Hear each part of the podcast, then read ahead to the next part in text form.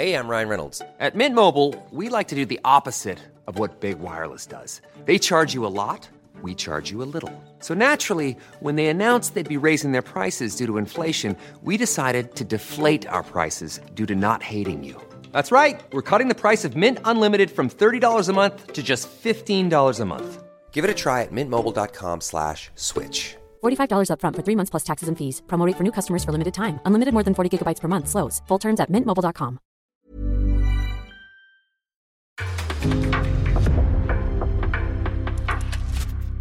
En podcast från Aftonbladet. Storklubbarna övertygar i England. Det är flera frågetecken kring Gerhardssons landslagsuttagning och så är vi inne på slutspurten i damallsvenskan. Dessutom får vi höra lite kring hur det låter bakom kulisserna under en guldmålning. Det är sjunde SM-guldet på henne nu så det är no biggie liksom. Kolla här!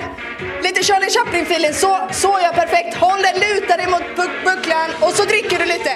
Och så släpper vi de första nomineringarna till galan Obos damallsvenskans bästa i dagens fanplyss med mig, Anna Rydén, Per Lagerström och Saga Fredriksson. Så, vad väntar vi på? Nu sparkar vi igång!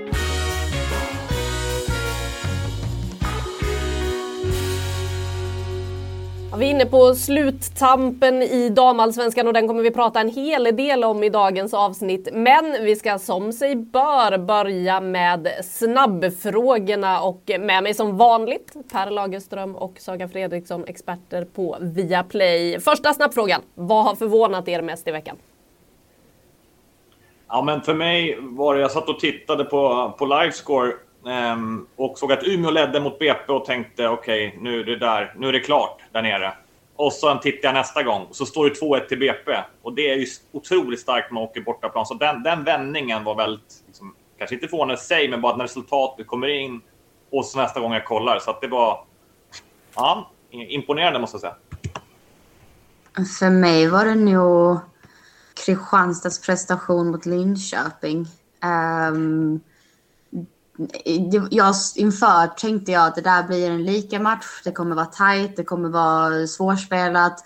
Men den där matchen öppnade upp sig något otroligt. Och, eh, jag var nog inte riktigt helt beredd på att den skulle dra iväg till 4-1 till Linköpings favör. Och eh, framförallt som sagt förvånad över Kristianstads prestation. Ja, vi kan väl gissa att eh, Häcken också blev lite förvånade där när det började rulla iväg. För det är ju en målskillnadsaffär uppe i toppen. Men den kommer vi till när vi ska snacka toppstriden om en liten stund. Veckans snyggaste då? Alltså jag är alltid livrädd att säga detta för det känns som Per kommer komma med invändningar om regelverk. Eh, men så här är det ju. Nu har jag två kandidater. Hörrni. Det är mål som vanligt. Eriksdottir. Alltså vilken kanonkula till mål eh, i slutskedet mot Vittsjö. Eh, men Toivios mål i BP-matchen som Per var inne på. Det, det, det väger tyngre. Om det är snyggare, det vet jag inte. Men det är nog det faktum att det är det var så viktigt. Och eh, snyggt och viktigt ihop. Det blir liksom en bra kompott. Så att för mig blir Toivios mål eh, veckans snyggaste. Ja, det är det. Men jag tänker ett ännu större perspektiv. Jag tänker eh, snyggt i form av tillbakastuds. Från Linköpings, eh, liksom, att de klarar av att studsa tillbaka som de gjorde. Det tycker jag är väldigt snyggt i, i sig faktiskt. Filosofiskt nästan Per. Veckans fulaste då? Hur definierar ni det denna veckan? AIKs, eh, tycker jag, totala säsong och jag tycker att det är svagt att de åker ur. Jag tycker inte att det är, jag tycker inte man, det är en stor klubb liksom och jag är tvek, jag tycker man har kunnat gjort så mycket mer så jag tycker det är fult och framförallt svagt av en sån förening med de musklerna som AIK har. Mm, då var jag mer inne på eh, tacklingen som gjordes mot Nildén. Jag plockade upp henne flertal gånger i, i den här podden. Hon har haft en otroligt fin start på säsongen. Blir tacklad eh, rejält grovt mot, kommer jag inte ihåg vem de spelar mot nu bara för det, men oaktat det så eh, är hon alltså borta från spel nu i tre månader minst. Benbrott i foten och det är Förhoppningsvis så går det relativt snabbt och vi behöver inte befara ett VM för henne. Men det är trots allt otroligt trist nu inför stundande eh, resa ner till Australien. Så att eh, den får jag nog eh, faktiskt betygsätta som veckans fulaste. En tung smäll såklart för eh, Amanda Nildén själv som ju la ut på sina sociala medier att eh, så mycket kärlek som den här sporten kan ge till en, eh, så mycket kan det också ta ner en i, alltså på botten. Det är otroligt tungt att bli borta så här länge för hennes del.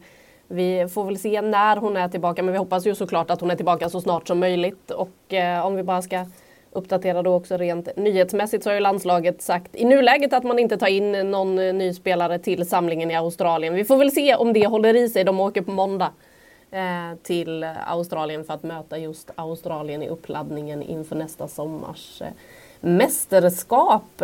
Med det så ska vi vidare då till veckans svenska i Europa. Who's that?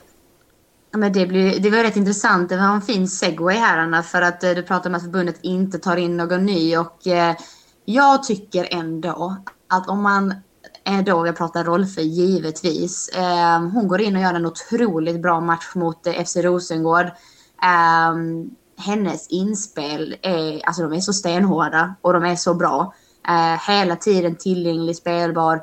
Eh, hon gör en riktigt bra match och därav tycker jag också att hon är svensk, eh, veckans svenska i Europa. Men också för att efter ett, så att säga, ett nederlag att inte bli uttagen till den här truppen. Och det är fortfarande spekulationer varför hon inte är med. Eh, jag är faktiskt grymt nyfiken på varför hon inte är medplockad. Jag har svårt att förstå. Har man en så pass bra spelare, jag förstår att man har kommunicerat att eh, ja, men vi har koll på henne, vi vet vad hon går för. Och det om spelaren själv är nöjd med det svaret. Och, men uppfattningen är inte att hon har varit så nöjd utåt. Hon har inte lyst av att nej, nej, men det här är inga fara. Vi har diskuterat detta. Utan snarare var så här, inga kommentarer. Då får jag en liten känsla av att är det här så himla eh, bestämt ihop de två? Eh, det, det, känns inte så. Så att med det sagt så, så tycker jag att det är snyggt att hon ändå presterar på högsta nivå trots att det här har skett och att man kan liksom särskilja de två sakerna. Så det är hatten av till Rolfö. Eh, hon får veckans svenska Europa från mig. Mm. Jag tycker också, på tal om att komma tillbaka, jag tycker att Lina Hurtig eh, förtjänar den här nu och har haft en tuff inledning eh, i Arsenal. Svårt att få ett förtroende så kommer in och, och gör två mål i, i Champions League. Det, det smäller högt. Så att, ja, det är mitt val. Mm, vi får väl se om det är hon då som får eh, chansen mot Australien istället för Fridolina Rolfö på den där vänsterpositionen eh, av Peter Gerhardsson. Men som du var inne på Saga, det blev verkligen bara kortare och kortare svar av Rolfö ju fler frågor hon fick om det här med landslaget. Det första var att ja, nej, men vi har pratat om det och det är ett beslut vi har tagit och till slut så blir det liksom inga kommentarer när hon dessutom får det serverat att ja men kan det inte vara skönt för dig som pratade i somras om att du var sliten efter en lång säsong i Barcelona att slippa den här långa resan till Australien för bara en match och få lite ledigt och allting slutar med inga kommentarer. Och jag tycker också där, bara för att lägga till kort, så eh, jag kan tycka det är konstigt att man inte tar med en av sina bästa spelare oavsett och med tanke på att de faktiskt också ska ner till Australien och acklimatisera sig. Um, jag ser inte logiken i, i förklaringen. Och sen kanske det spelar mindre roll om vi andra förstår det. Så länge de är på ett bra ställe så, så är det, det kanske det viktigaste. Men man, eh, liksom, man lämnar väl inte Zlatan hemma för att eh, ja, men vi vet vad han går för. Alltså förstår ni vad jag menar? Eh, vid den tiden han var fullt aktiv i landslaget. Det, det, det, det är inte logiskt för mig. Eh, man tar väl med alla spelare som är tänkta till en trupp till VM. Och, eh, ja, jag vet inte. Det, det kanske bara att inte jag ser helhetsbilden och det är därför jag inte förstår hur pusselbitarna sitter. Men eh, för mig, jag, jag tyckte det var konstigt. Ja, men jag håller med Saga. Nu, är vi, liksom, nu går vi från korta till, till långa, men det är en intressant reflektion. Jag gissar alltså att man åker till Australien för att förbereda sig för ett mästerskap. Dels för att hantera resan, dels för att hantera tidsomskillnaden, dels att få den erfarenheten. Det är väldigt, väldigt lång resa, annars kan man fundera bara på hållbarheten, miljöaspekten på att åka dit. Men, men håller man, håller man på med elitidrott så måste man ju göra optimala förberedelser. Med det sagt så blir det ju extra konstigt. Däremot som sagt, finns det en god anledning, finns det sagt, då är det bara att kommunicera ut den. Så att jag håller helt med. Och det är faktiskt lite samma sak om man tittar på fler spelare i den här truppen. Jag tycker fortfarande, oh, ställer mig lite funderingar kring Hedvig Lindahl och att vad som säger det, att man ska testa ett antal spelare kan man väl göra. Sen kan man ju, men ska man vara med i en trupp, ett lag, och Hedvig Lindahl är aktuell, det vet vi ju inte om hon är, men om skulle hon vara aktuell för ett VM, så tycker jag samma sak där. Att hon behöver kanske inte spela matchen, men att vara med på samlingen, vara med en del i laget på en sån naturlig förberedelse. Men som sagt, det finns säkert mer som inte vi känner till, men vi har åsikten att tycka och jag tycker att det också är lite märkligt om man ska mm. Ja, för några grejer man kan ta med sig från vad Peter Gerhardsson då sa efter att han hade presenterat den här truppen och höll en liten pressträff så var det ju dels på målvaktsfrågan så säger han att det står mellan sex målvakter kring de tre målvaktsplatserna. Man väljer därför att lämna Emma Holmgren hemma den här gången för nu har man sett henne på två samlingar. Ger istället Kajsa Andersson chansen. Han säger att Hedvig Lindahl fortfarande är högaktuell som en av de här sex. Och sen är det ju då Jennifer Falk som inte är med i den här truppen heller. Som ju väntar barn här i dagarna. Så att de tre som är med nu plus Emma Holmgren, Hedvig Lindahl och Jennifer Falk är de som Peter Gerhardsson ser att det står emellan. Och sen apropå den här aspekten att ladda upp inför eh, Australien så har ju Gerhardsson och ett gäng ur landslagsledningen precis gjort den där resan. De var ju nere för lottningen. Och eh, jag tror han sa att de var ett team på fem personer som hade varit där och att de i sin grupp hade haft väldigt mycket diskussioner kring hur olika man påverkas av den här resan, av tidsomställningen, att man får dra lärdomar av det och att det är en viktig del för Sverige nu när man åker dit. Att man ser att det är många av spelarna som är med i den här truppen som ska spela ett VM, som får chansen att testa på okej, okay, hur reagerar jag på resan? Hur kan jag optimera mina förberedelser? Och så säger han ju då att ja, men då för de som inte är med så får de liksom förklara eller lära sig av de som får testa på det den här gången. Men det gör ju det märkligt att man inte då tar med några som, alltså Rolfö känns ju som en given startspelare i en svensk VM-startelva. Såklart. Och den enda som är det är ju Jennifer Falk som har en vettig förklaring. Så det är inga konstigheter tycker jag. Liksom. Då handlar det om familjesituation och då kommuniceras det. Men jag håller helt med. Mm. Med det så stänger vi väl den där landslagsuttagningen och snabbfrågorna. Vi ska in på damallsvenskan. Vi ska in på toppstriden till och börja med och där vet vi ju nu vilka som kommer komma topp tre Kristianstad missade chansen och innan ni ska få förklara varför Kristianstad inte tar en Champions League-plats i år så ska vi lyssna hur det lät i Linköping i fredags när det stod klart. Vi ska lyssna på Kristianstads Mia Karlsson. Hur är det med dig efter en sån här match? Eh, nej, men det är tufft. Vi visste ju förutsättningarna innan vi gick in i den här matchen och tycker ändå i första halvlek så känns vi väldigt på. Vi skapar ändå lite. Sen så får de in ett mål men vi har ju ändå vi har någon hörna bland annat och vi bryter bollar högt upp i banan och får liksom till de här halvlägena. Och en annan match så hade de suttit och sen i andra halvlek med så även om vi släpper in så fortsätter vi och fortsätter och fortsätter så att ja, det är tungt såklart. Det här innebär ju att ni missar topp tre i år. Vad, vad tänker du kring det och vad, vad betyder det för gruppen att ni missar Europaspel i år efter två år? Eh, nej, det har ju såklart varit ett mål hela, hela året och vi har eh, haft det inom räckhåll också hela året så det är klart att det är tungt just nu. Eh, sen samtidigt, nu är det en match kvar och vi måste vinna den och kunna vinna på hemmaplan också, avsluta snyggt, kunna ta fjärdeplatsen åtminstone och sen så får man sätta sig ner och, och eh, se över de sista månaderna här, se vad man hade kunnat göra bättre.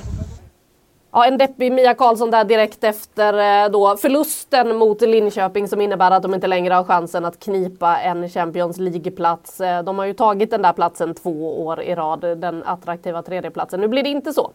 Varför missar Kristianstad? Vem vill hugga?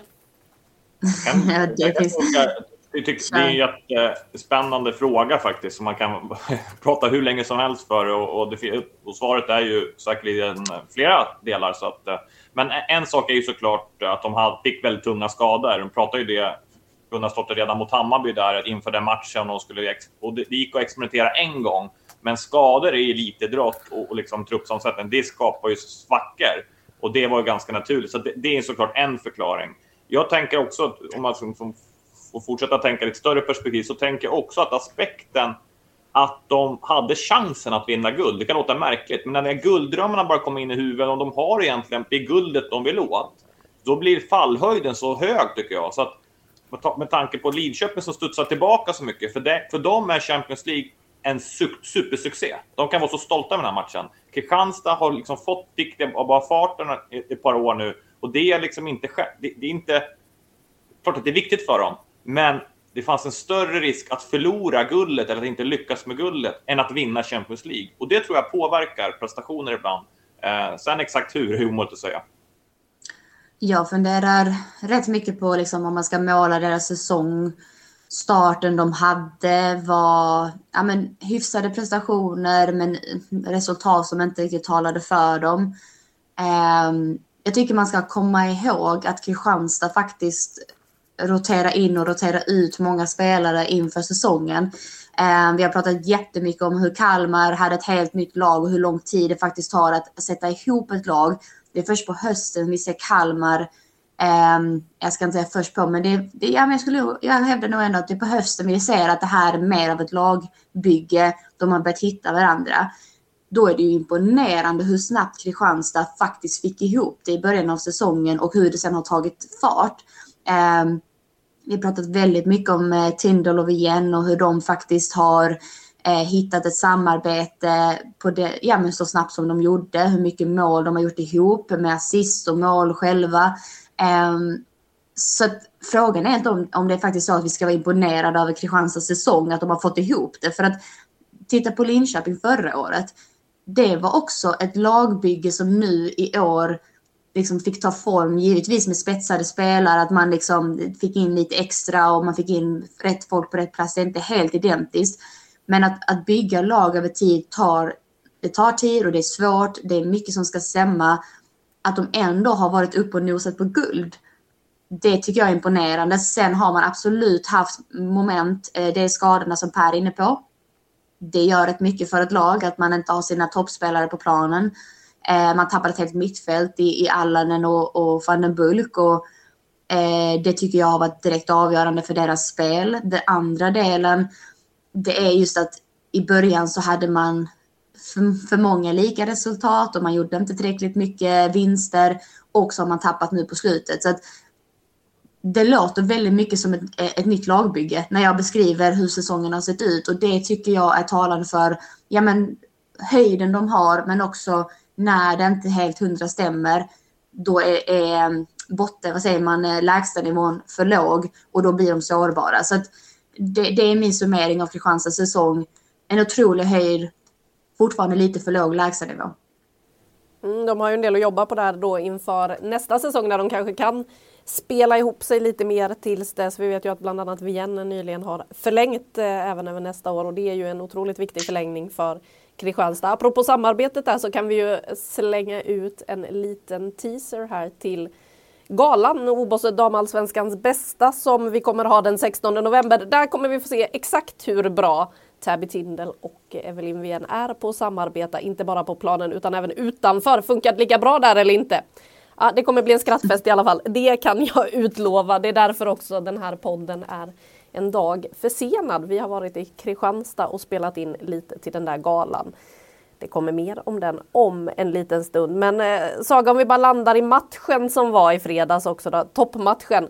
Det blev ju ett väldigt märkligt avbrott där mitt i allt. Eh, ett brandlarm som gick eh, när Linköping fick en hörna. Hela arenan skulle utrymmas helt plötsligt. Ja, hur upplevde du det här?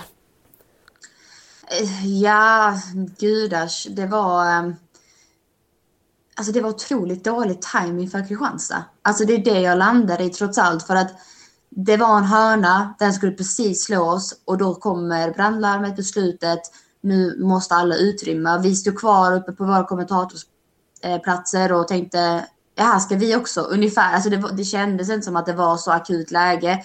Men givetvis så ska man ta det på högsta allvar och det gjorde de och det, det sköttes på ett jättefint sätt från arenan och, och all säkerhet och så vidare. När vi sen tar oss in så alltså vi hann knappt upp till våra platser innan domaren blåste igång den här matchen. Jag vet att Betta det var otroligt besviken att hennes, hennes spelare inte fick ens värma upp innan det här skulle dra igång. Jag menar som sagt, vi sprang upp med andan i halsen från de här trapporna. Vet man, har man varit på, på Linköping Arena så vet man att det, det är trappor som jobbas igenom för att komma upp. Och eh, som sagt, jag och min kollega Tobias, vi står där och liksom lite andfådda som man är. Eh, och helt plötsligt är matchen igång och vi ska, vi ska sätta oss in. Men tänker då för spelarna att ta sig in, har stått ute och bara huttrat ute på en parkering. Det är småkyligt, du ska in på den här planen. Givetvis har de tid att snacka med varandra, de har tid att snacka med sina tränare. Men det är ju inte till Kristianstads favör att ha en hörna emot. Sen, med det sagt, det här är professionella spelare. De hade också tio minuter att mentalt preppa sig själva för att det här är en otroligt viktigt moment i den här matchen. Det är en hörna emot oss. Vi måste se till att vara påkopplade från liksom, sekund ett. Det tycker jag inte de är, för de släpper Nelly Karlsson helt fri. En av Linköpings bästa huvudspelare. Hur, alltså, och det är inte så att hon gör någon extrem undanmanöver. Hon bara egentligen bågar ut sin löpning och går rakt in på bollen och då känner jag att det kunde hanteras bättre. Det är ju absolut någon som står på Nelly Karlsson annars. Så varför var det inte det den här gången? Så att, eh, jag ifrågasätter väl kanske lite fokuset som Kristianstad gick in med. Samtidigt också Linköping tar tillfället i akt och gör det på ett väldigt bra sätt. Så att, eh, där har ni situationen och sen så har det varit upprörda känslor kring det här. Det kan man säga i Kristianstadlägret. Framförallt som du var inne på, Beta Gunnarsdottir var ju irriterad där efter matchen bland annat på det faktum att man inte får värma upp igen när man kommer in. Eh, det var ju också så att spelarna var inne på planen en stund innan ni var tillbaka uppe på kommentatorsplats för ni blev ju utrymda sist eftersom ni satt på andra sidan jämfört med publik och spelare och sådär. Också då insläppta sist eh, vilket gjorde att spelarna stod där nere och bara okej okay, kan vi köra nu eller? Och så har man direktiven de får att nej vi måste vänta på tv och det måste man ju såklart. Det är klart att tv-sändningen eh, måste ju in och eh, vara med när det väl kickar igång igen. För jag var ju en av dem som stod nere vid planen och filmade under den här eh, första halvleken så jag blev ju evakuerad ut med spelarna på den där lilla parkeringen. Men det som är är ju att det var ett automatlarm som gick som gjorde att man behövde utrymma och det finns ju på x antal ställen på i princip alla arenor runt om sådana här dörrar där det står öppna inte den här, då går larmet. Med det här i åtanke, går det att utnyttja systemet? Kan man skicka någon och bara öppna en sån dörr när det kommer en fast situation och så kan man gå ut och så kan man diskutera och lägga upp en plan. Eh, tror ni det finns risk att vi får se det framöver? Mm, det är klart, alltså, jag har hört faktiskt här rykten också det, för mig är det högst, högst osannolikt. Liksom. Jag tror inte det är inte närheten av det som skett i det här fallet. Däremot har man varit på ett antal tränarkonferenser genom åren så, så är det liksom de här war storiesarna, det som sker i världen. Du vet när man åker eh, klubbar ut i Europa. Det finns ingen kamerasystem på, på arenan eller det är avstängt hoppsan hejsan. Sen filmar motståndarna hela träningen. Det är buggade omklädningsrum, det är kameror som sitter i en vägg. Så att ja, i fotbollen i stort. Och Gunnarsdotter har varit med en del. Hon, hon tänker nog på de där storiesarna, men jag tror inte i det här fallet. Men allt kan hända i sporten fotboll, om vi säger så. Men jag tror inte på Linköping Arena i fredags. Nej, vi får väl se vad som Nej. händer framöver. Om det kommer att utnyttjas på något sätt. Vad tror du, Saga? Nej, men jag stämmer bara in i det där. Jag, eh, jag har väldigt svårt att säga att det... De ledde redan 1-0. Sen, sen ska vi också ha med oss Kristianstad hade en väldigt fin start på den här matchen. Och hade de fått eh, utdelning på det, de hade en, ett friläge som skulle tilldelats dem. Hade det stått 1-0 till Kristianstads favör hade matchbilden sett annorlunda ut. Men jag vill ändå gå tillbaka till att Kristianstad är ett bra lag så att även vid 2-0 så ska de kunna sätta sig tillhopa och de ska kunna säga okej okay, tjejer, nu fokuserar vi om, nu tar vi tag i detta. Sen släpper de matchen och det bara rinner på. Så att nej, jag vet inte. Det, det fanns spelare i Kristianstad som imponerade på mig rakt igenom. Eh, bland annat Wien, eh, outtröttlig, kör på som jag aldrig sett för ville vinna den här matchen. Gabby Carl var fantastisk i försvarsspelet. Ehm, och även Tyndall offensivt. Så för där, där eh, ibland kan man spela bra matcher även om man förlorar. Eh, men det får inte stå 4-1 mellan de här två lagen efter slutsignalen. Det, det vill jag ändå trycka på. Det, det ska vara en tajtare match. Vi sa ju att eh, topp tre avgjordes då i samband med den här matchen. Frågan är, avgjordes också skytteligan? Amalie Wangsgård gör tre mål i den här matchen i matchen mot Evelyn Wien som ju ändå då svarade för ett reduceringsmål för Kristianstad. Men nu har vi Vangsgård uppe på 22 vi har VM på 19. Ja. Alltså jag räknar ju aldrig bort henne. ja, men det är ändå bra Per, du bara ja, den är avgjord. Jag vill ha spänning, jag vill ha spänning överallt. Så jag, jag eh, lå, låt säga att eh, vi eh, har världens match nu i helgen och så studsar hon tillbaka. Det blir kul. Ja, det är ju bara tre mål som skiljer och är det något vi har sett i den här eh, serien den här säsongen så är det ju hattricks. Vi har sett tre målskyttar flera gånger. om. Wien har ju till och med gjort fyra mål i en och samma match mot bottenlag tidigare den här säsongen. Och eh, vi får väl se hur det går då för eh, Kristianstads del. Om vi ska ösa in mål så ska hon ju göra det på hemmaplan mot Umeå. Medan Linköping har KIF Örebro borta. Och om vi går in då på Linköping och Häcken. För nu är det ju så att det står mellan de två om den åtråvärda andra platsen. Anledningen till att vi snackar om det här det är ju för att det är olika vägar in i Champions League om man kommer tvåa eller trea. Det är mycket svårare som trea eftersom man då går in en omgång tidigare när det spelas ett litet minigruppspel där man måste vinna två matcher för att sen då komma in i den omgången som laget som kommer tvåa får kliva in i Champions League. Så vilka kommer tvåa? Vad, vad talar för att Häcken tar den här andra platsen skulle ni säga? Det är ju de som ligger tvåa just nu på bättre målskillnad. Jag tycker det handlar om eh, deras höst framför allt. De har en förlust och det är mot, eh, mot Rosengård. Eh, de har en otroligt fin prestation mot PSG. Deras målproduktion har ökat. Det känns som att laget har eh, gelled på engelska, men det är gällat heter det på svenska. Nej, men det sitter klistrat ihop sig, limmat ihop sig. Ja. men titta, tack. Det är därför vi är team här också och ja. hjälper åt. Um, nej, men det känns som att de har börjat uh, hitta mer och mer sin identitet och de har börjat bygga med spelare på rätt platser och så vidare. Det, det är någonting med hösten som är den förväntningen jag hade på Häcken från första början den här säsongen och därför också tippar om att bli vinnare. Eh, sen har det kantats på olika sätt, men därav också så, så, så ser jag att de har, väl, alltså jag har väldigt svårt att säga att de skulle släppa sista matchen. Eh, det är prestigefyllt att få vara med eh, på, på andra platsen också, så att precis som vi varit inne och du beskrev där Anna, så att jag har eh, svårt att se att Linköping eh, norpar den och även om de skulle göra mycket mål så eh, så, så kommer inte släppa detta. Hej, jag Ryan Reynolds. At Mint Mobile, we like to do the opposite of what Big Wireless does. They charge you a lot, we charge you a little. So naturally, when they announced they'd be raising their prices due to inflation, we decided to deflate our prices due to not hating you. That's right. We're cutting the price of Mint Unlimited from $30 a month to just $15 a month. Give it a try at mintmobile.com slash switch. $45 upfront for three months plus taxes and fees. Promote for new customers for limited time. Unlimited more than 40 gigabytes per month. Slows. Full terms at mintmobile.com.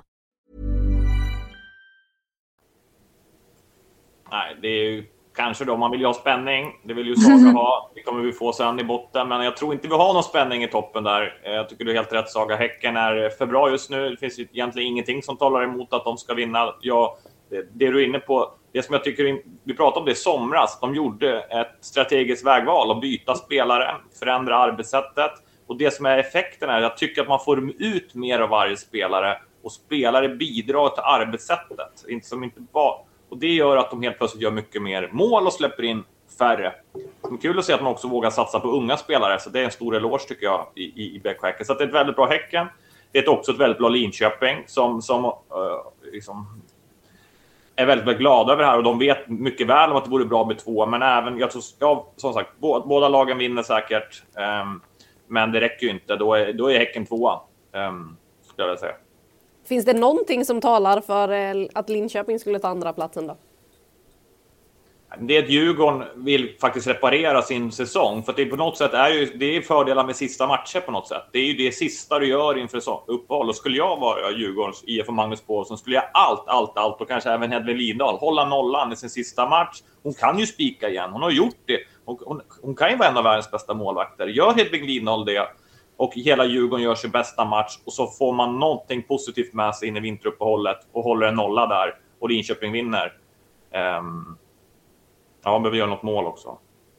Ja, men det, det är väl det enda, att Djurgården eh, sprattlar till.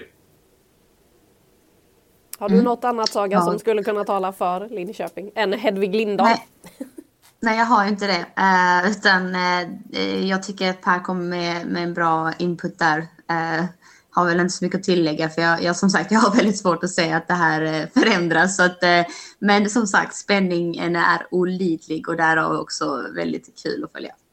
Mm, vi ska snart gå över till det som blir desto mer spännande, nämligen bottenstriden. Men innan vi lämnar toppstriden så ska vi prata lite mer om eh, galan som väntar den 16 november. För från och med nu så kommer det att börja komma ut vilka spelare som är nominerade, vilka som kan kamma hem priser. Det är ju tio priser som ska delas ut och kanske något hedersomnämnande och lite sådär eh, under den här galan.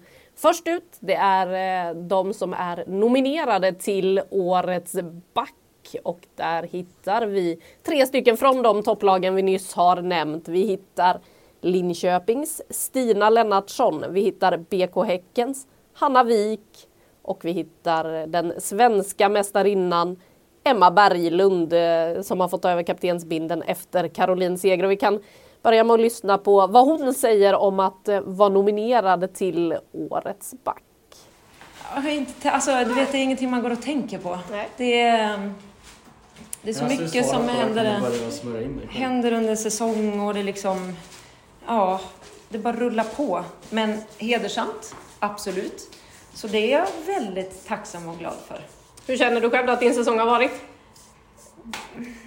Bra. Mm. Alltså, sett till liksom andra säsonger och de senaste säsongerna har jag ändå fått utgå ifrån så här, ja, vart står min kropp? Alltså vad, vad kan jag förvänta mig av den här säsongen? Eh, man vill så mycket men jag vet ju också att jag kommer från tidigare säsonger där det har varit skavanker och ja, från de stora skadorna skavanker.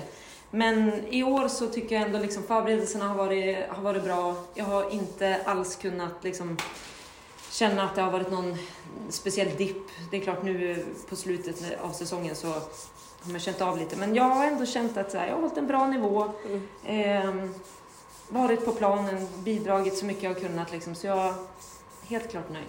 Och få fira med ett sjunde ja, SM-guld. Ja, har du tagit in det än att det är sju? Nej, egentligen Nej. inte.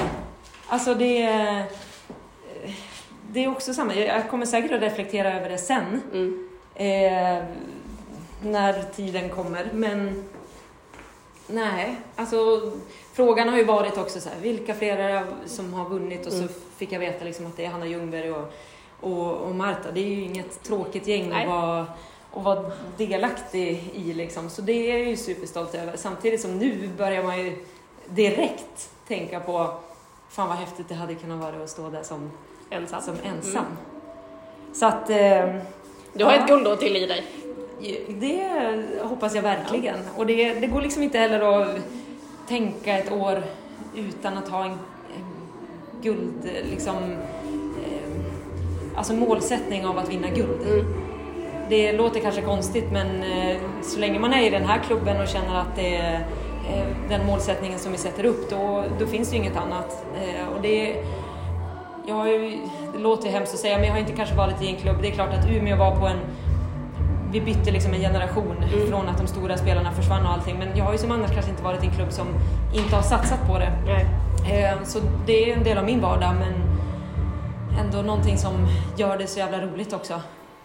Ja, en glad och lite förvånad Emma Berglund där som samtidigt som hon svarar på de här frågorna börjar sakta men säkert måla in sig i guld. Det är därför det kanske låter lite svajigt här.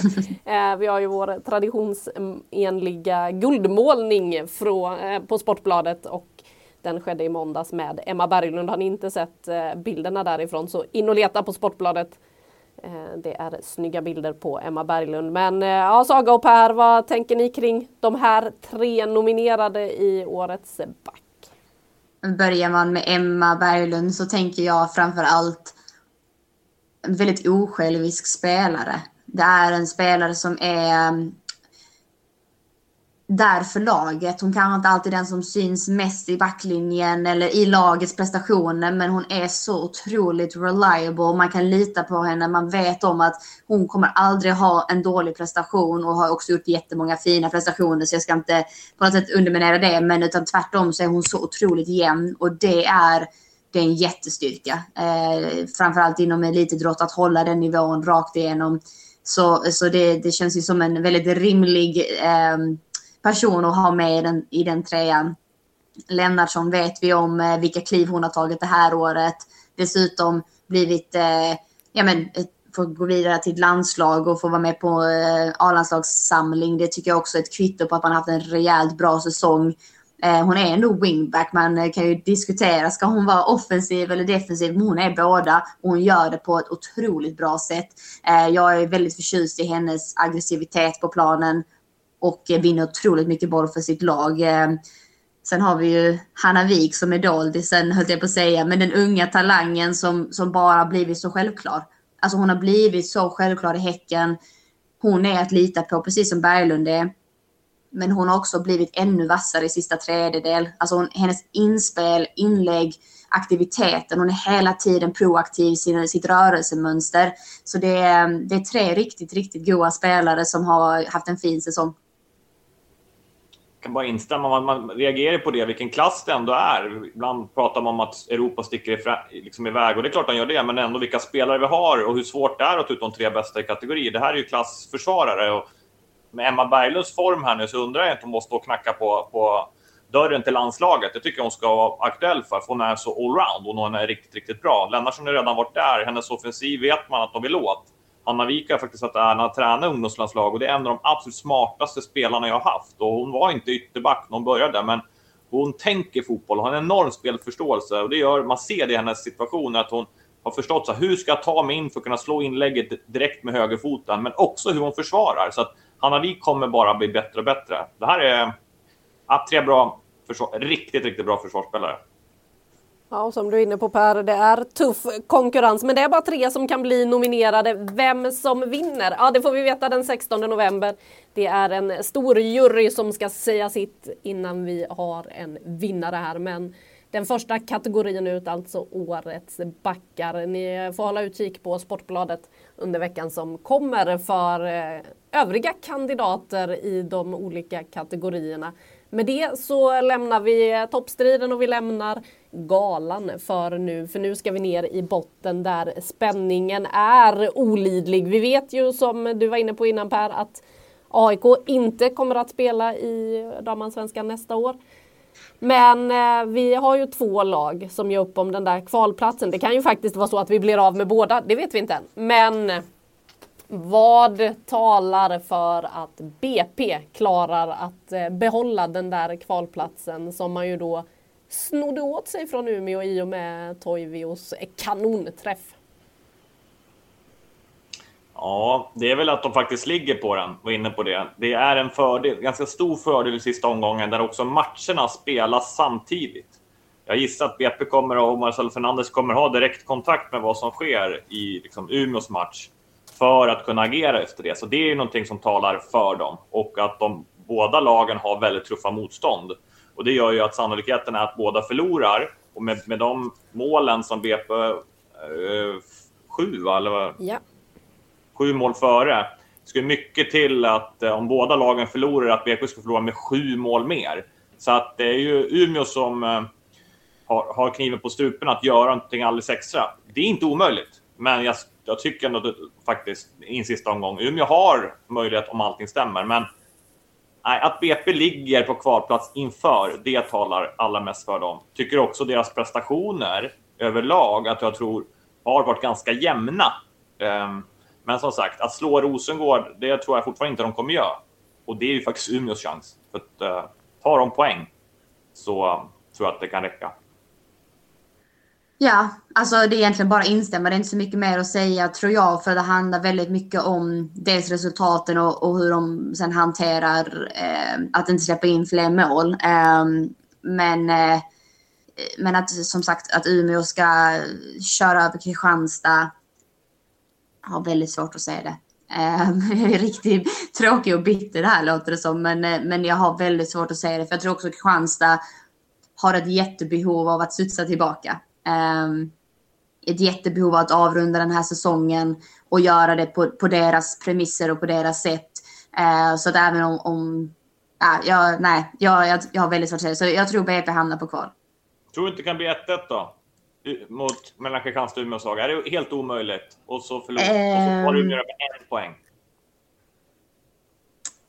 Uh, alltså helt omöjligt är det inte. Men, uh, men alltså, jag fattar vad du söker efter här. Men, men uh, jag, mitt, mitt fotbollshuvud säger att det, det, ska vara i princip omöjligt. Alltså ärligt talat. Jag, jag, Men jag har blivit förvånad förr i den här ligan och det är ju det som är skärmen. Så att jag har ju fått sitta här och äta mina ord ett par gånger och det, det är bara roligt. Så att det surprisar de mig så eh, kul helg vi har framför oss liksom. Det är en kul helg oavsett. Ja. Man vet inte. Det är ju spännande. Ja, det är klart att det är. Det är det och vi får väl se vilka som då klarar att knipa den där kvalplatsen och då kommer ställas mot antingen Uppsala eller Allingsås. För där är det ju fortfarande också en öppen fight i elitettan kring vilka som tar kvalplatsen uppåt. Det vi däremot vet det är ju vilka som tar direktplatserna upp. Vi har redan gratulerat Växjö DFF eh, förra veckan. Nu kan vi även gratulera IFK Norrköping som tar steget upp. Eh, en anrik klubb på herrsidan som nu eh, kommer in då på damsidan. Och vad talar för att de här två lagen då ska kunna klara sig kvar i damallsvenskan 2023 skulle ni säga? När det kommer till Växjö så när man pratar med spelarna så har de tryckt på en sak det här året. Det är sammanhållningen. Och eh, de hade en jättetydlig, jag har varit i en konversation med, med målvakten just Louise Högrell som haft en otrolig säsong med eh, slagna rekord och eh, jättefint eh, samarbete med sin backlinje och, och lag.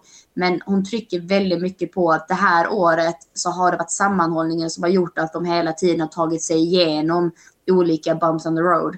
Och eh, det var ett Växjö som åkte ut. Det, det, jag kommer ihåg vi pratade om det vid det tillfället att det kändes så konstigt och tomt att med Växjö tillhör ju damallsvenskan. Att det, det var märkligt på något sätt och nu hade de en jättetydlig ambition. Vi ska upp igen, vi ska göra det, vi ska liksom bara vara en, en snabb visit och vi ska sadla om.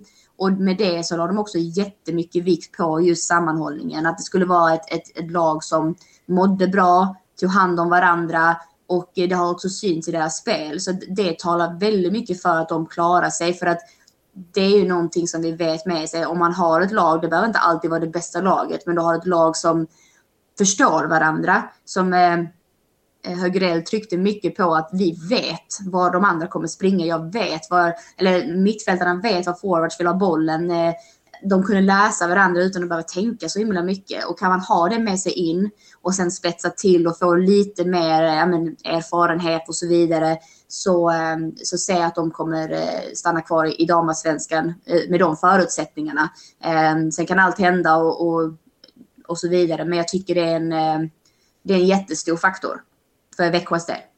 Mm, jag tycker det är intressanta nykomlingar. Du är inne på det Saga. Dels tycker jag Växjö har byggt det korrekt med, och har mycket spelare i, i spännande ålder, mitt i sina karriärer, kan bli bättre. Skickligt tränare som vet vad det handlar om, Olof Unogård. Um, ehm, så att jag tror att man är väldigt förberedd för att, för att ta steget upp. Um, däremot så tänker man så här, så att år ett tror jag Växjö kanske är klart bättre förberedd, förberedd än IFK Norrköping. Men tittar man på några års sikt så det är där jag sitter och funderar. Liksom, vad har Växjö för backning? Vad kan, och nyckeln för dem kommer få in lite spets nu, men vilken ekonomi kan de få i den föreningen? IFK Norrköping däremot kanske har ett väl, liksom en väldigt tuff första säsong här. De kommer behöva förstärka, också jättespännande lag, men har lånat några spelare från BK Häcken.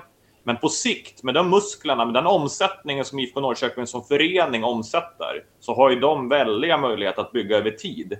Så att det blir en avgörande första säsong för dem. Jag kommer ihåg för ett par år sedan liksom, när det var bråk i IFK Norrköping att damspelarna inte fick använda herrarnas gym. Liksom, var, var fjanterier. Och nu har föreningen börjat dra det samman. Och det visar kraften när det finns backning bakom en satsning eh, på damsidan. Då kan det gå snabbt. Så att det talar för IFK Norrköping över tid.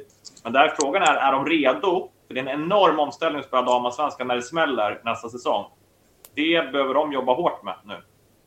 Ja, och tar vi Norrköping där, du, du är inne på någonting där Per med hur proffsig föreningen är, klubben är. De är eh, jag pratade med Taylor Townsend som är en tidigare lagkamrat från USA till mig som spelar i laget och, och hon, hon pratar och beskriver liksom verksamheten som alltså det är professionellt genom fingerspetsarna. Eh, där har de försprånget.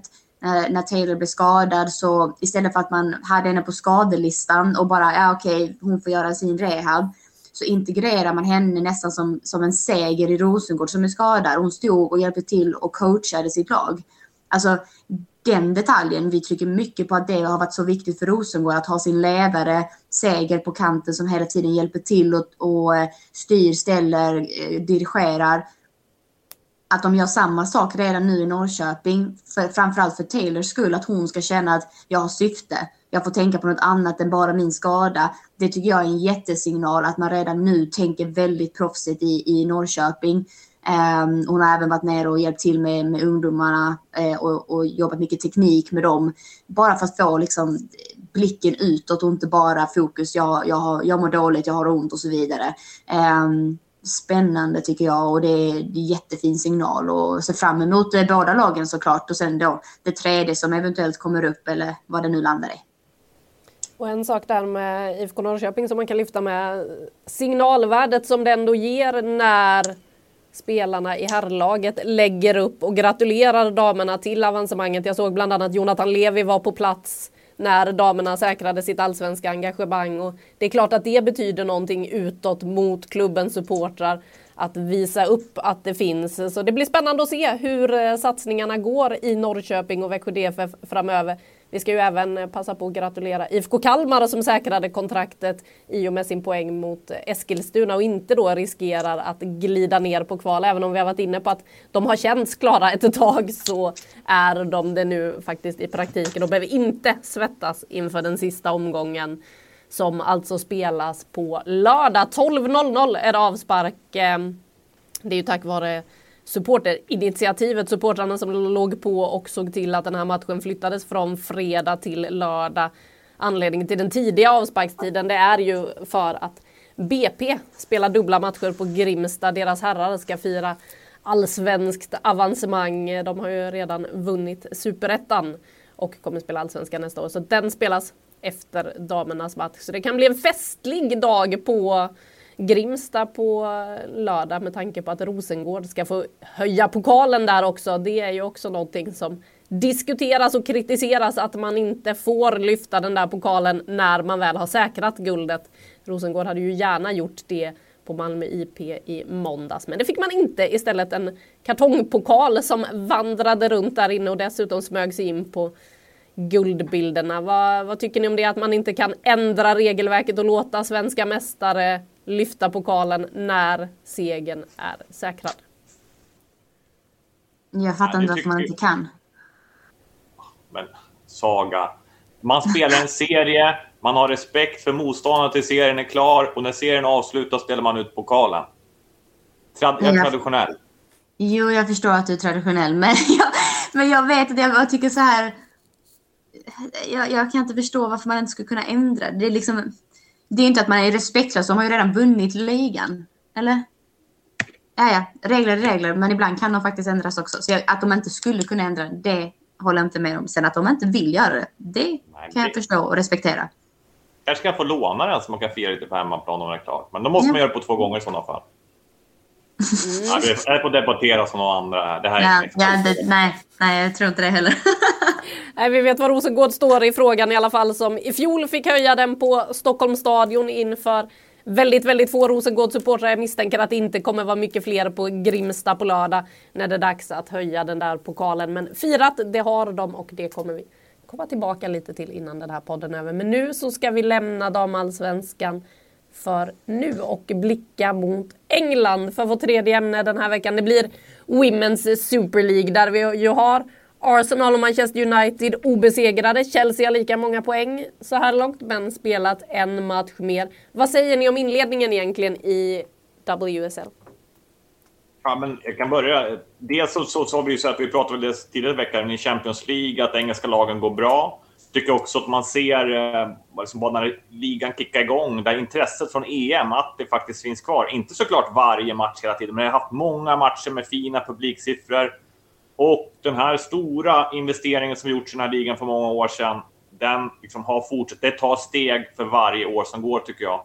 Eh, det som också är roligt, du var inne på det, det är att det är flera lag som, som är i toppen. Och de stora lagen är där. Det gör att det blir häftiga matcher. Så att, ja, jag tycker det är väldigt, väldigt lovande inledning på serien. Det ska bli väldigt kul att följa den. Jag tycker väl dels det och sen att det här med att lagen snor poäng från varandra. Jag har redan nämnt eh, Liverpools prestation mot Chelsea, även om det var straffmål och sådär. Men någonting som jag är lite så här flagga för när det kommer till Chelsea är att de faktiskt inte har presterat speciellt bra fotboll. Eh, de vinner sina matcher och det tycker jag, eh, ja, men lite som vi har pratat om Rosengård, att det är en styrka i sig, men det är någonting i Chelsea just nu som händer. Man testar lite olika formationer. Man har inte alla spelare tillgängliga ännu. Cankovic har inte kommit till spel och har dragits med en skada. Det känns som att det fortfarande är lite oklarheter och det tycker jag är lite märkligt med tanke på att det inte, hur ska jag säga, det är fortfarande, stommen är kvar. Det är inte så att det är så många förändringar att det här ska påverka för mycket. Um, så jag sitter fortfarande och väntar på Chelseas övermäktighet. Uh, som sagt, de vinner fortfarande sina matcher så att ehm, det är en styrka i sig. Arsenal däremot har jag varit grymt imponerad över. Jag tycker de har gått in med fart och fläkt. Um, har en tillit till sin process under matchernas gång så att även när de inte spelar briljant i början så har de en metodik i sitt spel. Lite åter tillbaka till Rosengård för att förankra till damallsvenskan om man tittar på det mer så är Arsenal eh, väldigt metodiska hur de vill anfalla och hur de spelar. Ehm, United har imponerat resultatmässigt. Men vissa av deras matcher har inte heller varit speciellt välspelade. Så jag tycker det är intressant ändå det här att det är fler lag i toppen som slåss om den där toppskiktet men de kanske inte ännu har kommit upp i sin maxprestation vilket är fullt förståeligt när man precis börjat ligan. Ehm, men man har höga förväntningar på de här spelarna och de här lagen. Ehm, så därav så är, det, är jag fortfarande lite jag längtar till de här veckorna när jag kommer bara så här, ja ah, men nu, nu är de igång, nu kör vi, nu ser vi farten, nu ser vi fläkten, nu ser vi aggressiviteten. Där är vi inte just nu, men de tar sina poäng och det är spännande nog. Vi ser ju fram emot de här stormötena också sen eh, mellan Chelsea och Arsenal som ju ligger en bit bort i tiden. Eh, det dröjer faktiskt innan de drabbar samman i den här serien. Men eh, det är ju så också att eh, i England så spelar man en jäkla massa matcher för det är ju kupper eh, kors och tvärs och hit och dit. Eh. Så de kommer ha att göra framöver och för Arsenal och Chelsea ska vi ju dessutom då addera Champions League-spelet som vi har varit inne på här. Eh, där man är inne i gruppspelet. Vilka tycker ni har bäst trupper då för att palla det här med mycket matcher under säsongen och kunna kanske då rotera lite, laborera lite för att vara så effektiva som möjligt hela vägen in? Tycker du, du nämner de två stora, de liksom, både Arsenal och Chelsea har, tycker jag, bredd i trupperna. Sen kanske Chelsea har fler spelare, men jag tycker Arsenal har, har, har visat inledningsvis eh, att det finns liksom alternativ i backlinjen, det finns alternativ eh, längst fram i anfallslinjen. Det är väl, jag, jag är så imponerad också faktiskt av Kim Little och Lia Welt i Arsenals centrala mittfält som tycker lite stomme i det här laget. Så att, frågan är vad som... Men då har liksom, Månum kommit i bra form också. Så att, jag, jag, tycker båda lagen har bra trupper, men kanske Chelsea har fler. Så Arsenal får inte åka på för många skador, men nej, ja, de, de har tillräckligt stora trupper för att det här inte ska bli ett problem enligt mig. Jag håller med och tittar man på Arsenal nu, du nämner Kim Little som är eh, en, stom, eh, en spelare i stommen och otroligt viktig på det mittfältet. Men hon blir skadad, utbytt nu mot West Ham och man sätter in Jordan Nobbs som också direkt går in och gör mål. Eh, spelet förändrades enormt när Nobs kom in. Det var, det var betydligt bättre fart på bollen, det var bättre rörlighet på mittfältet. Att kunna få in en sån spelare som avgör matcher, inte bara målet i sig, utan hennes, hennes sätt att påverka matchbilden eh, eller ma spelet, det tycker jag är ett jättestyrkebesked. Eh, Miedema sitter på bänken. Alltså förstår ni vilken bänk man har då eller? Alltså det, det tycker jag är riktigt tungt och coolt. Alltså tungt i, i positiv bemärkelse. Um, så att just nu så känns det faktiskt som att Arsenal kanske har fler på bänken som kan komma in och egentligen borde varit startspelare. Medan Chelsea som sagt är ett nybygge. Um, man har Rytting Kaneryd som sitter och väntar men kommer hon gå in och blåsa sönder ett motstånd just nu. Nej, hon har en bit kvar. Ehm, jag har pratat om Cankovic. Vi har Betty England som också samma där. Ja, hon är bra spelare, men ska, är hon given alltså startspelare? Nej, kanske inte. Det, det är ju Sam Kerr som ska vara det. Eh, så att, eh, kanske så att konkurrensen i Arsenal är större. Och då tycker jag att de ligger lite före i den bemärkelsen. Sen har de två, alltså båda lagen har ju enorma trupper, bra trupper, starka trupper. Så att eh, Ehm, eh, de ska klara det utan tvekan. Sen så är jag väldigt nyfiken på Arsenals eh, kombinationer och just att, att eh, Månum kommer in. Hon har fått chansen, hon tar chansen, hon gör mål, hon är delaktig i mycket offensivt. Um, och hon har också suttit lite så i periferin många gånger och inte alltid varit första valet. Så att, att kunna göra det och ta, ta de kliven eh, betyder på en miljö som är välmående. För det gör man inte som spelare om man inte eh, mår bra på bänken också. Ni nämner ju både Arsenal och Chelsea här, men vi har ju United obesegrade också så här långt och hittills Mary Earps nu då den enda som hållit nollan hela säsongen. Sinsberges eh, rök ju nu i senaste matchen här för Arsenals del. Eh, vad är det som gör att ni i längden inte tror att eh, United kommer vara med där uppe hela vägen in? Det var en klurig fråga. Um, jag tycker nog att det handlar mest om att de... Alltså har man sett många av matcherna så de är väldigt beroende av sina startspelare. Eh, vi pratade precis bredd. Eh, en sån som eh, Batier, jag tror inte jag säger hennes namn rätt här, men Ona Batier saknas just nu. Direkt så, så tycker jag man tappar eh, fart på kanten. Eh, det är en, en av eh, Uniteds ytterbackar. Och eh, för mig, när man är så sårbar, när man tappar en spelare, då, då eh, redan där så syns det att det, det kommer inte orka hela vägen. Um, nu har man ju till exempel fått tillbaka Russo, hon kom in senast, eh, hon varit skadad. Man har haft Nikita Paris. Eh, Nikita Paris har varit bra. Hon har tagit eh, ish chansen och gjorde mål nu senast.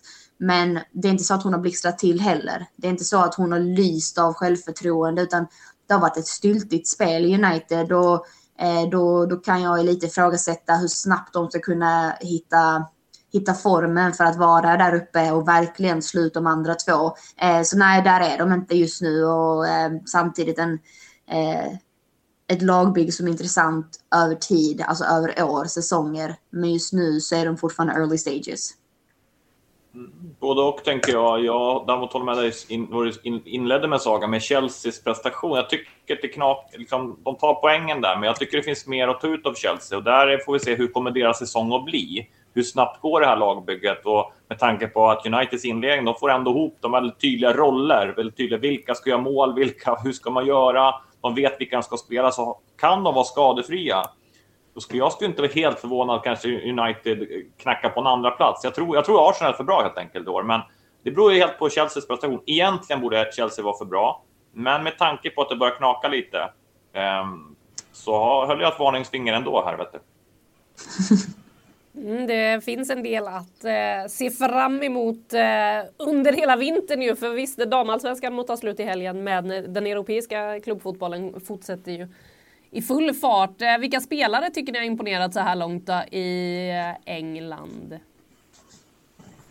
Mm, jag vill det. Kör. Ja, men jag kan nämna, jag, jag tycker nu, var lite eh, skadad, men jag tycker som 32-åring och liksom den ikonen som har varit i en klubb, att man kan fortsätta prestera liksom, när alla de här unga spelarna värvas. Och jag tycker hon oftast är liksom, en sån otrolig tvåvägsspelare, med långt fram, med försvarar och så stabila Lia Velti liksom, bredvid. Alltså, väldigt annorlunda inne i mitt fält om man tänker på åldrar, länder de kommer från, Skottland, Schweiz. Jag tycker det, det, för mig är det inne i mitt fältet eh, häftigt på något sätt. Jag skulle vilja komma med en liten uppstickare här. Eh, kanske en spelare som inte, det var inte, hon var inte superkänd ska jag säga för mig tidigare, men eh, Thea Kyvåg kom tidigare från LSK Kvinnor, eh, spelat 40 elitmatcher med dem som, och jag tror inte hon är speciellt gammal, jag tror hon är, jag ska faktiskt in och kolla det, hon är 18 år gammal. Eh, har redan spelat 40 matcher på, det, på en väldigt hög nivå i Norge, eh, spelar i West Ham har bra athleticism, heter det på engelska. Så det, det är att man är väldigt atletisk, alltså man är stark, man är snabb, de aspekterna. Men hon är också väldigt duktig på sin placering på banan, eh, utmanar hela tiden. Och ehm, när man ser henne så skulle jag nog tippa att hon är 25. Alltså i sättet hon spelar och rör sig. Eh, hon har den, sen kan hon ha lite mer edge och det är just där man kommer titta på hennes ålder att ah, hon är bara 18. Så tänk att hon är så bra nu och sen att hon har så mycket framför sig. Så där, eh, måste jag faktiskt säga att det, det var väldigt kul att upptäcka henne. Det, det är väl jag då som inte har varit eh, påkopplad nog och, kring LSK kvinnor sedan tidigare. Eh, men eh, det är en spelare som jag är imponerad av nu.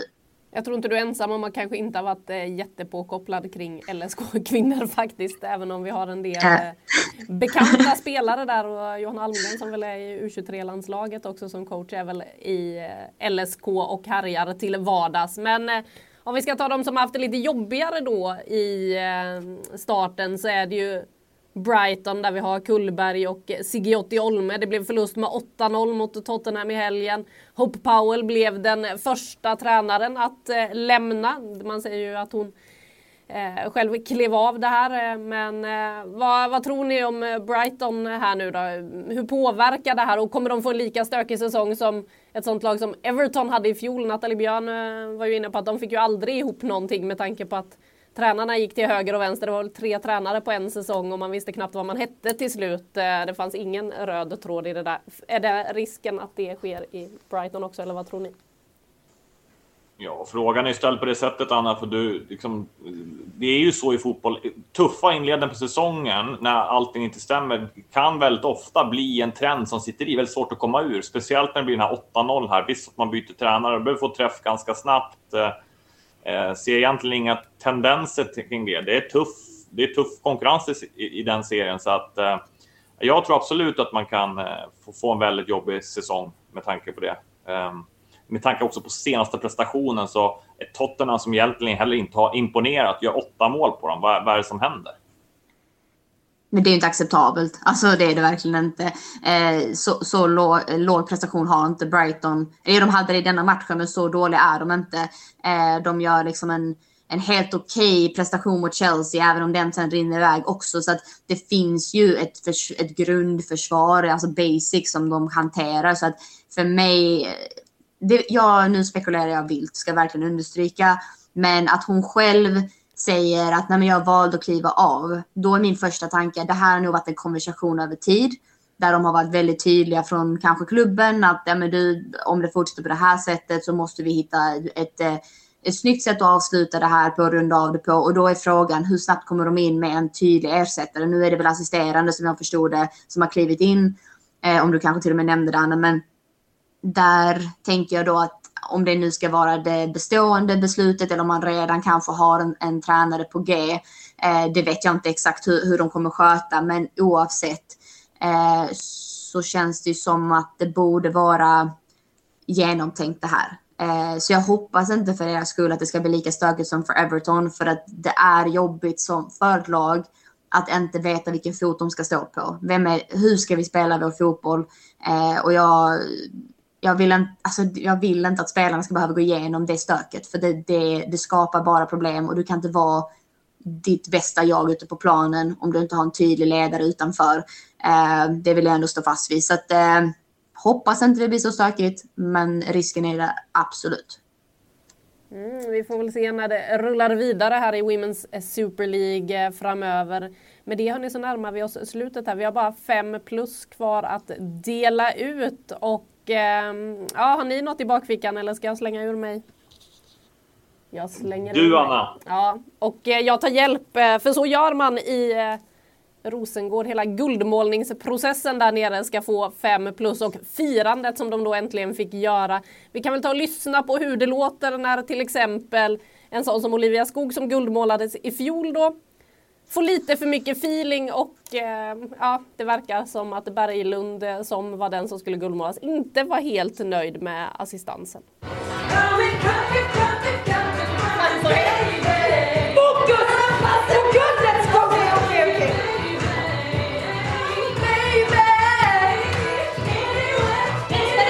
Det är lite chill. Det är sjunde SM-guldet för henne nu så det är no biggie liksom. Ja, kolla här. Lite Charlie Chaplin-feeling. Så, så ja, perfekt. Håll den, luta dig mot buck bucklan och så dricker du lite. Ja. Nu måste kameran vara med också. Så, då är vi redo. Och så profil. Så ja. Ja då, ja då, ja då, ja då, ja då, ja då. Oj, oj. Ja men jag alltså absolut 10 av 10. Jag tycker du skötte det kanon. Ja, det, det, är liksom champagne i ja, näsborrar. Det är, det är som ska hanteras. Ja. Det är instruktioner. Det är för det första liksom att få upp korken när man är helt insmord, det är svårt. Och jag hånade ju dig lite grann förra året. Ja, Men nu förstår du. insåg jag att det här är Men du hade, du hade bättre teknik, du ser ju kraften du hade. Du sköt Ja, ju det hål är- i taket här till och med. Riktigt bra skott Ja. Nästan två gånger har den liksom studsat och landat där. Men det är klart att lite, lite erfarenhet har Ja. jag inom detta. Det måste jag erkänna. Sju gånger till och med. Ja, Ja. sen kanske jag har levererat flaskor till andra några gånger. Absolut, så har det varit också. Mm. Vissa får ju liksom guldmålas första SM-guldet, andra Ja, och det sa jag ju förra året att jaha, för vissa så krävs det bara ett guld då, men för mig krävdes det sju och det säger väl en del när man är försvarare. Men Ja, ja. Jag tackar Men man kan inte få allt här i världen. Man kan inte få det. Nej. Men eh, tacksam, jätterolig upplevelse och ja, det är väl... Tillbaks nästa år känner jag. Ja, då kanske vi kör en dubbelmålning. Ja. Det hade väl kanske varit... Det hade varit fint. Det hade varit kul.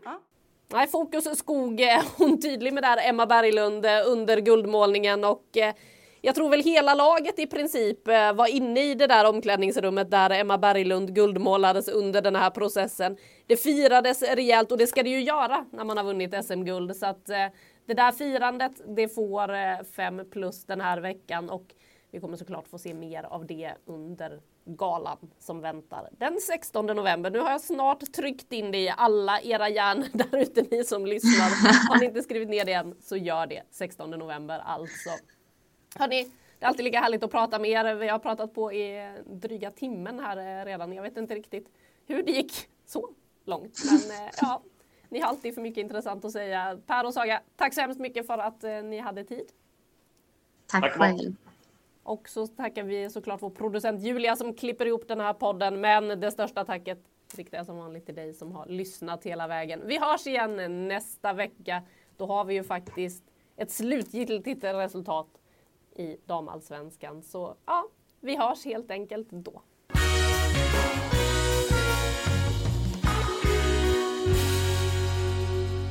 Du har lyssnat på en podcast från Aftonbladet. Ansvarig utgivare är Lena K. Botox Cosmetic, botulinum toxin A, FDA approved for over 20 years. So, talk to your specialist to see if Botox Cosmetic is right for you. For full prescribing information, including boxed warning, visit BotoxCosmetic.com or call 877-351-0300. Remember to ask for Botox Cosmetic by name. To see for yourself and learn more, visit BotoxCosmetic.com. That's BotoxCosmetic.com. Samuelsson.